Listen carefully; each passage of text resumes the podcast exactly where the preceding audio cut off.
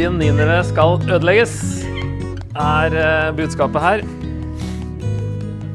Og det er eh, Det er jo gode nyheter for, eh, for noen. Dårlige nyheter for Ninive. Ninive Eller hvis vi ser på første verset, da, bare for å starte litt med det, da. Budskap om Ninive. Så får vi vite med en gang at det her handler om Ninive. Boken med synene til Nahum fra El Kors. Så eh, bare for å se litt på de punktene som sies her, da. Så Ninive eh, var jo stor, en stor greie at den, eh, at, dette, at den byen skulle gå under. Og det er en som heter eh, Boyce her, eh, James Boyce, som sier at the, the destruction of Ninive was probably greater than that of any city in the entire history of the world. Større enn om New York City eller eh, Beijing eller et eller annet skulle ødelegges eh, på en måte hvordan, hva Ninive symboliserte. da. Og hvor stor den var i forhold til, eh, til eh, alt annet. I Jonas så ser vi jo at han, det står at det var tre, tok tre dagsreiser å komme seg gjennom hele byen. For det var jo da så mye forsteder og og si, sånn, et sånn stort eh, Hva kaller det? En sånn derre konglomerat. Så kjempestor, kjempestor by. Og så er det jo, står det 'boken med synene'. Det er jo eneste profeten som begynner slik. At dette er en bok. Ble den først og fremst skrevet ned, er jo da et spørsmål. Da lurer man litt på om Det er visst en kiasme et sted. Jeg har ikke sett på det, men kapittel to og tre kan visst være en kiasme. Eh, og i så fall så vil det støtte at, eh, at det var kanskje en eh, skriftlig versjon, da, i hvert fall to og tre. Mens eh, kapittel én høres veldig som typisk profet ut, da uansett. Men eh, Vanskelig å vite, men han sier i hvert fall det er en bok. Men han sier òg at det er syner, sånn at eh, han så dette her. Eh, er det at han så et eller annet som han formulerte som et budskap, og skrev det ned? Spørsmålstegn. Um, og så er det Nahum som nevnes her. Han nevnes jo bare her i hele eh, Bibelen. da. Og Nahum, eh, navnet betyr rett og slett eh, trøst. Så er dette et trøstebudskap. det er bare dom i denne boka her. Har det noe med navnet hans å gjøre? Det vi har sett tidligere. ikke sant? At Mika, Mikael, ikke sant? hvem er som Gud? Han kommer jo til det helt på, på, slutten av boka si. Hvem er som Gud? Sefania, var det ikke noe der òg? Gjemme, seg i skjulet, ja. ikke sant? Og det dukker opp i teksten. Malaki, min budbærer, dukker opp i Malaki. Så det er, det er ofte en sånn link at Gud plukker folk som heter noe som har med budskapet å gjøre. Um, nå er det jo mye som har med Gud å gjøre i navn uansett, da, med Hosea og frelse og si, sånne ting. Jesaja. Jave frelser og litt sånt. Ja, no, i hvert fall noe sånt eh, som ikke er så uvanlig at man uh, heter noe positivt som har med Gud å gjøre. Men her er det trøst. Um, Elkors vet vi ingenting om. Det er et ukjent sted der han er fra. Det er mange forslag.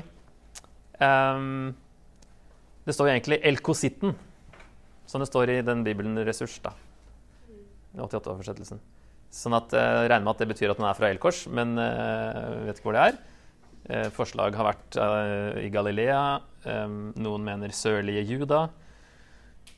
og så er det også et sted i nærheten av Ninive, faktisk, Mosul i dag, da, som heter Kors. fem mil nord for Mosul som noen mener at han var derfra. Det er plutselig veldig nærme Ninive, men uh, vi uh, kan ikke vite. Boka kan vi dele opp i tre her, med å, at kapittel 1 snakker om hva Gud skal gjøre, der ødeleggelsen varsles. Kapittel 2 hvordan Gud skal gjøre det. Ødeleggelsen beskrives. Og hvorfor Gud skal gjøre det. Ødeleggelsen begrunnet. Og når det gjelder datering, så er vi eh, på 600-tallet. Vi vet at det er et sted mellom 663 og, eh, eller etter 663, fordi den egyptiske byen Nå-Amon, som nevnes i 3.8, som kalles Teben på gresk og Luxor i dag, den ble tatt av Asyria i 663. Og det snakkes om det i fortid i vers 8 eh, i kapittel 3. Um, sånn at det må være etter 663, og så må det være før 612, for da um, Ja, nå skulle det stått Ninive ble tatt. Asyria gikk under litt etterpå, i 605. Men Ninive ble tatt av Babylon og Media i 612. Så et sted mellom der. Vanskeligere å datere det kanskje noe mer. Så det var en sånn oversikt eh, i starten her. I Jona, så Det er jo eh, 100, 150 år før. Eh, da drar han til, til Ninive, og de omvender seg. Eh, nå har det gått en stund, og det har blitt mye verre siden da. Og nå, det, nå må det stoppes. Men det jeg skulle si da, som jeg tror jeg overhørte deg si, eh, eller noen sa, at her var det bare dom i denne boka her, ikke sant? Du kommer ikke til sånn derre Det er ikke så veldig håp på slutten, bortsett fra det siste verset. Hvem har ikke gang, gang, på gang blitt rammet av din ondskap, og nå er, nå er det slutt? Sant? Det er jo sånn implisitt håp, da. Men det er ikke en sånn typisk sånn profetbok som kommer til å se fram til eh, ny himmel og ny jord, eller eh, Ånden skal komme, eller Messias skal komme. eller sånt. Nå, her er det sånn sett en ganske sånn eh, Jeg vet ikke hva jeg skal si mørk bok, jeg. selv om det er mye dom. Men vi kan få inntrykk av det. ikke sant? At her er det Uff, så negativt dette var. Ja, men hvis dom er en god ting, da er det jo ikke en mørk bok. Nei, det er jo ikke det. Det er akkurat det. Det er akkurat det. Dom er en god ting. Men vi får liksom, når vi leser det første gangen, så er det bare Oi, dette var, eh, det var litt det var mye. på Ja, sant. Nemlig. Fordi jeg skulle undervise den her litt grann. Jeg, altså jeg sa ikke undervise den før, jeg har ikke undervist den før, men jeg skulle ha en intro til den en gang. Eh, og det var jeg tror det var 2015. Men jeg vet ikke om dere husker Og nå blir det litt, kanskje litt sterk kost. Jeg vet ikke. Men jeg vet ikke om dere husker dette her. Ja. Eh, dette var altså 21 koptiske kristne som ble henretta, halshugd av IS på en strand i Jeg husker ikke hvor det var. Libya eller noe sånt. Eh, det hadde liksom akkurat skjedd når jeg skulle sette meg litt inn i Nahum. Og det hjalp meg faktisk til å forstå hvordan det her ville føles og oppleves av Juda. Eh, fordi asyrerne var utrolig brutale. Det var eh, det verste av det verste ja, som verdenshistorien hadde sett til da. Eh, så det å sette det her inn i den konteksten hjalp meg, og håper det kan hjelpe dere òg. Men det, er, liksom, det, blir litt brutalt når vi da skal prøve å forstå hvor, hvor brutale var asyrerne, og hvordan, hvorfor det er det her håp og trøst at de skal gå under. Og boka er bare fylt av det, og at det skal føre til klapping og jubel og yes, at Gud griper inn. Så, så, hvis vi går nå eh, litt kjapt gjennom Israels historie med Ninive, så eh, har de eksistert liksom for alltid. Det nevnes i første Mosebok 10 allerede. At den grunn, ble grunnlagt av en som heter Nimrod.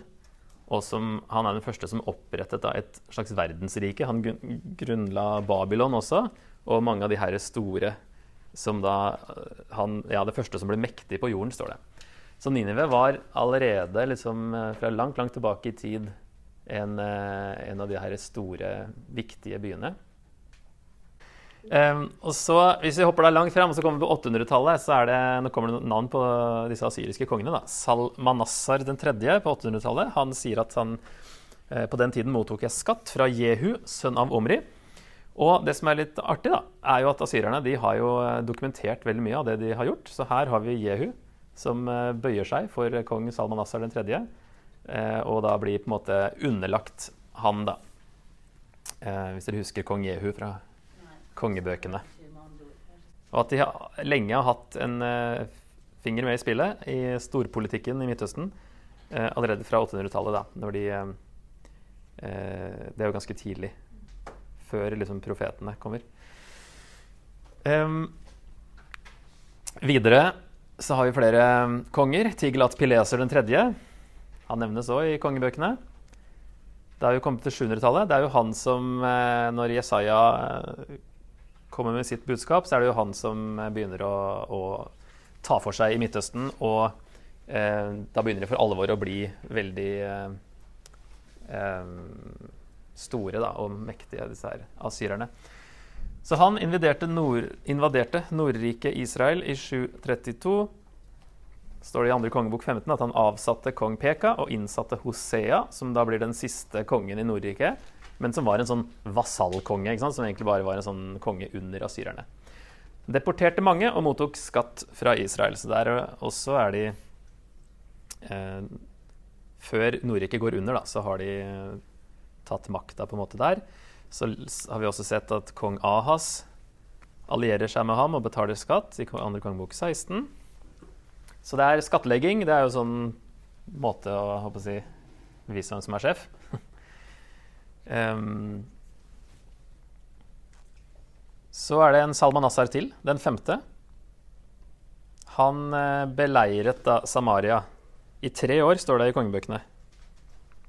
At han eh, ikke tok byen, men den faller da til neste konge, Sargon den andre, som tok Samaria og Nordriket. Så når vi leser i kongebøkene, så står det her Salmanassar nevnes, men så står det bare asyrerkongen tok det. Så står ikke, vi får inntrykk av at det er samme kongen, men det er egentlig den neste konge som overtar.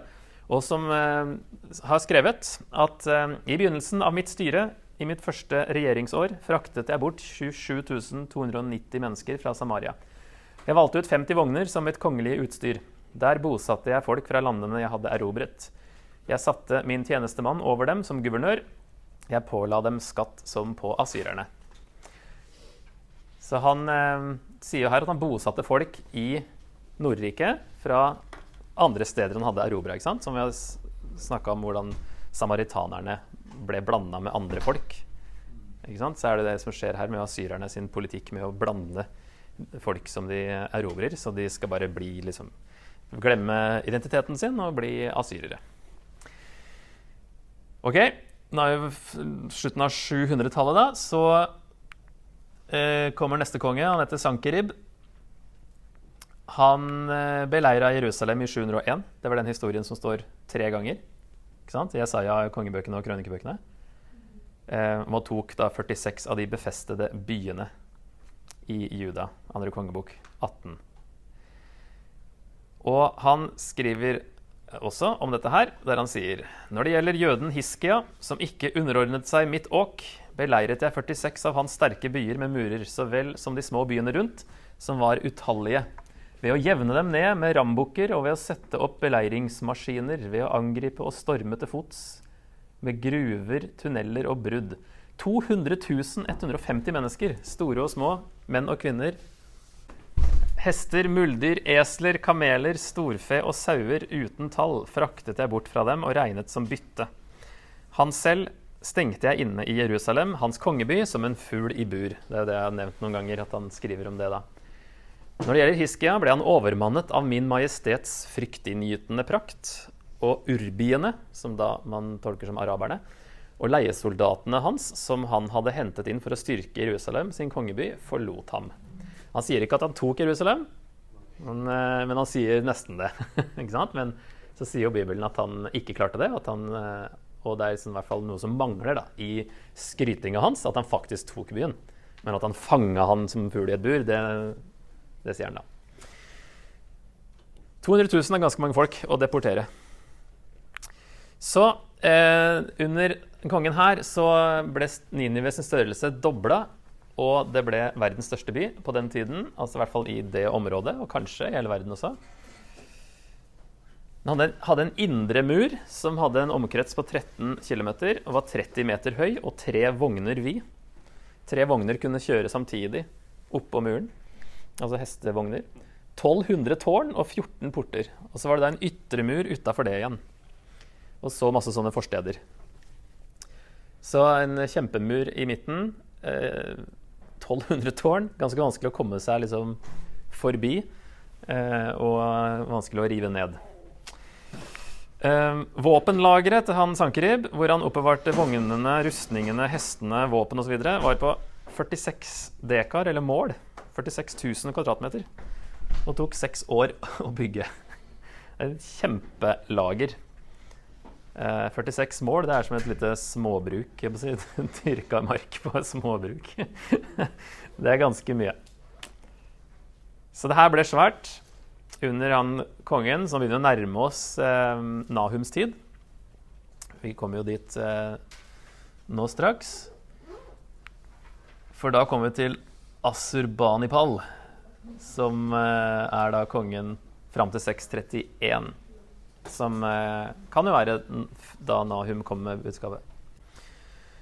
Når det kommer til Asurbanipal, så har Asyria blitt så stort at det strakte seg fra den persiske gulf, altså borti der da, med Iran og Irak, helt til Egypt. Og Asurbanipal han tok denne brutaliteten til et nytt nivå, verre enn noen hadde sett tidligere.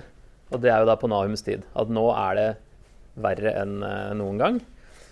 Han fikk mennesker flådd levende. Fanger fikk ofte dratt ut tunga eller kappet av hender og føtter, neser eller ører. og de halshugde og korsfestet mange. Ordentlig fæle greier. Eh, og de har også dokumentert det for oss. Her de holder på. Eh, og han sier da jeg fanget mange soldater levende, resten brente jeg. Jeg lagde en haug av levende menn og hoder foran porten deres. Jeg brente de unge guttene og jentene deres. Så ser man liksom beskrevet den uh, torturen de faktisk holdt på med Jeg tror det er flåing som skjer der. Her drar de ut noen tunger. Her henger det opp spidde folk, og her det noe, ligger det noen hoder.